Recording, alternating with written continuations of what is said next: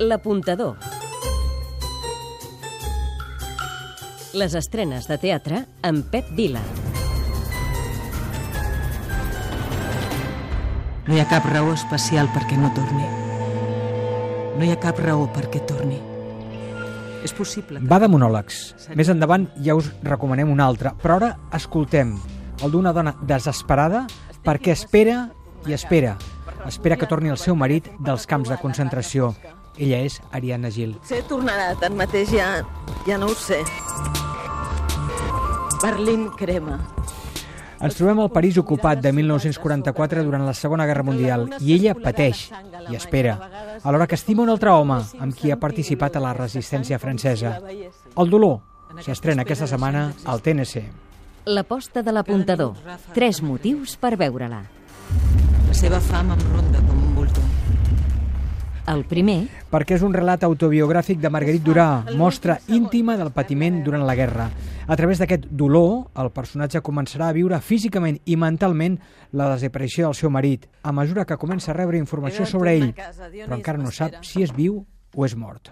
El segon, Perquè és un luxe veure Ariadna Gil als escenaris. Recordem, fa un parell de temporades ens delectava juntament amb Abel Folk a Jane Eyre i després la vam veure amb Àlex Rigola i a més fent un monòleg, cosa que ella ha reconegut en principi no la seduïa. el tercer, Perquè entenem que la directora Lourdes Barba ha fet una magnífica adaptació d'aquesta obra que Durà va publicar el 1985, després de trobar en un armari de casa seva un quadern que ella mateixa havia escrit al final de la Segona Guerra Mundial. A més, acompanya l'obra de projeccions i música que significaran encara més el monòleg. Hola, sóc la Míriam Alemany i és l'apuntador qui us ho recomana. Aquesta és l'aposta d'aquesta setmana de l'apuntador, però també hi ha altres estrenes, en aquesta ocasió no gaires. Moreno nascut al Brasil, Ara, tu. ara que no, sí. Ara, ara em dirà que la dona que va matar el nen aquell es mereixia que la cremessin una nina que la presentava. No, no, jo... Negrata de merda, tantarantana. Com reaccionarien els pares? Nick, el fill adoptiu de 5 anys d'Andrea i de Paul, arriba afectat del col·legi. Una companya li ha dit negrata de merda.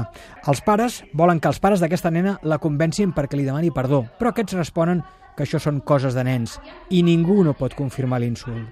El camp de batalla està servit.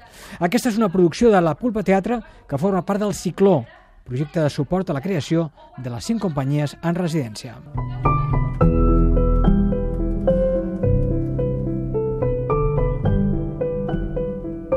Festival Maldà en dansa, Maldà Teatre, continuació d'un èxit. Nova edició del cicle de peces curtes de dansa compost per set peces, una exposició, una xerrada, dues postfuncions, una jam session de dansa i música antiga i l'estrena en un espectacle.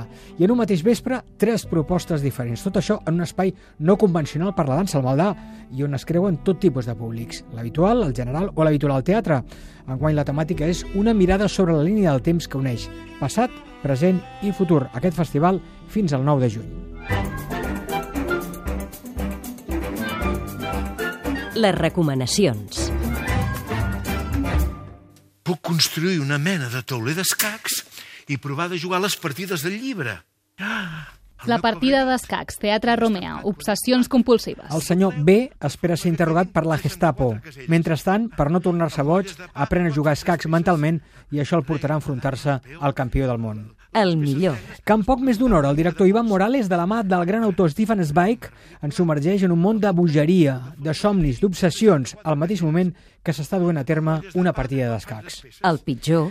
Algun telèfon mòbil que sona durant la funció i que destorba la concentració. Això segueix passant al 95% de les funcions que veiem.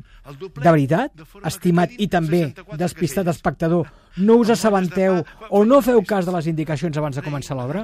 Un moment per recordar. Hi ha un moment en què gairebé, un rere l'altre, Jordi Bosch encadena els cinc personatges que interpreta amb cinc estats mentals totalment oposats. El resultat és una passada. En definitiva, És una obra magnànima que demostra que Jordi Bosch és un actoràs que domina tots els registres i que la seva interpretació no la pot fer tothom. l'apuntador.